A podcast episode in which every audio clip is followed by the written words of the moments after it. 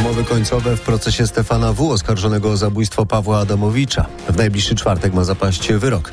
Ostrzeżenie dla podróżujących autostradą A1 w Łódzkiem, a także zwrot w polityce energetycznej we Francji. Opowie o tym nasz korespondent w Paryżu.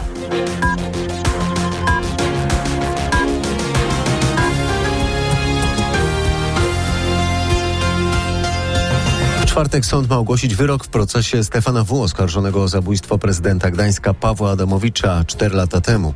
Prokuratura domaga się dożywocia z możliwością ubiegania się o zwolnienie po 40 latach. Kara miałaby odbywać się w systemie terapeutycznym. Wniosek ten poparli wszyscy oskarżyciele posiłkowi. Obrońca Stefana W. wniósł o umorzenie postępowania, wskazując na niepoczytalność. Ja się do winy nie przyznaję.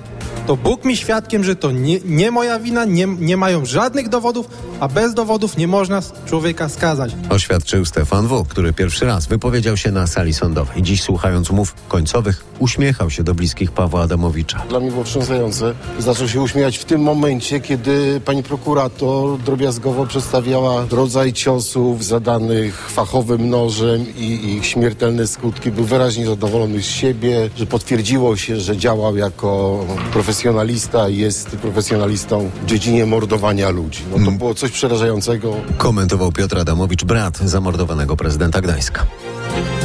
W faktach RMFFM teraz informacja dla kierowców na autostradzie A1. Trzeba zachować szczególną ostrożność jadąc w stronę Katowic odcinkiem między węzłami Łódź Północy i Brzeziny. Trwają tam prace przy montażu bramownicy. Ekipa zajmuje jeden z pasów, a na kilka minut ruch ma być całkiem wstrzymany.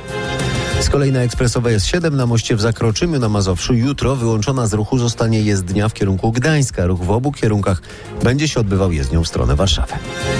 Francja planuje przyspieszenie budowy nowych elektrowni atomowych. Jak informuje z Paryża nasz korespondent Marek Gładysz, e, rząd dokonuje radykalnego zwrotu w polityce energetyki nuklearnej. Francuski rząd chce radykalnie uprościć procedury związane z budową nowych elektrowni atomowych, by nie tracić czasu z powodu biurokracji. Do kosza wyrzucona ma zostać deklaracja byłego socjalistycznego prezydenta François Hollande, który pod naciskiem partii ekologicznych zapowiedział zmniejszenie o co najmniej jedną czwartą liczby funkcjonujących we Francji reaktorów jądrowych Zamiast tego oddanych do użytku ma zostać jak najszybciej aż 7 tak zwanych europejskich reaktorów ciśnieniowych, w tym pierwszy z nich, którego budowa trwa już od wielu lat, w przyszłym roku we Flamanville w Normandii.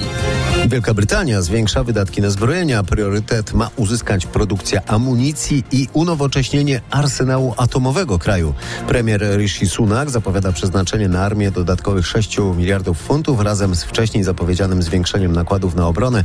Wydatki kraju na wojsko mają sięgnąć 2,2% PKB kraju, 2,3% licząc razem z pomocą dla Ukrainy. W ciągu kilku lat to ma być 2,5% PKB.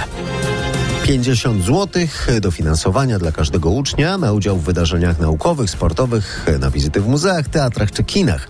To nowa odsłona projektu Klasa w Warszawie, Warszawa z klasą. Program wraca po przerwie spowodowanej pandemią i ma być elementem wsparcia uczniów po tym czasie, mówi nam wiceprezydent Warszawy Renata Kaznowska. Dzieci przez ponad dwa lata w zasadzie, można powiedzieć, z lekkimi przerwami spędziły czas w domach, w zamknięciu i z komputerem, laptopem w ręku. Więc ta integracja, wspólne wspólne spędzanie czasu i takie y, uczenie się też relacji na nowo niezwykle istotne. Ten program jest wypisz, wymaluj, szyty pod te potrzeby, więc traktujemy go dzisiaj również jako do uzupełnienia formy wsparcia y, psychicznego dla dzieci. W stolicy rusza też program dla najmłodszych, kulturalny przedszkolach. Zakłada udział dzieci w wydarzeniach kulturalnych organizowanych w przedszkolach albo wizyty w instytucjach kultury. Radio, muzyka, fakty. RMFFM.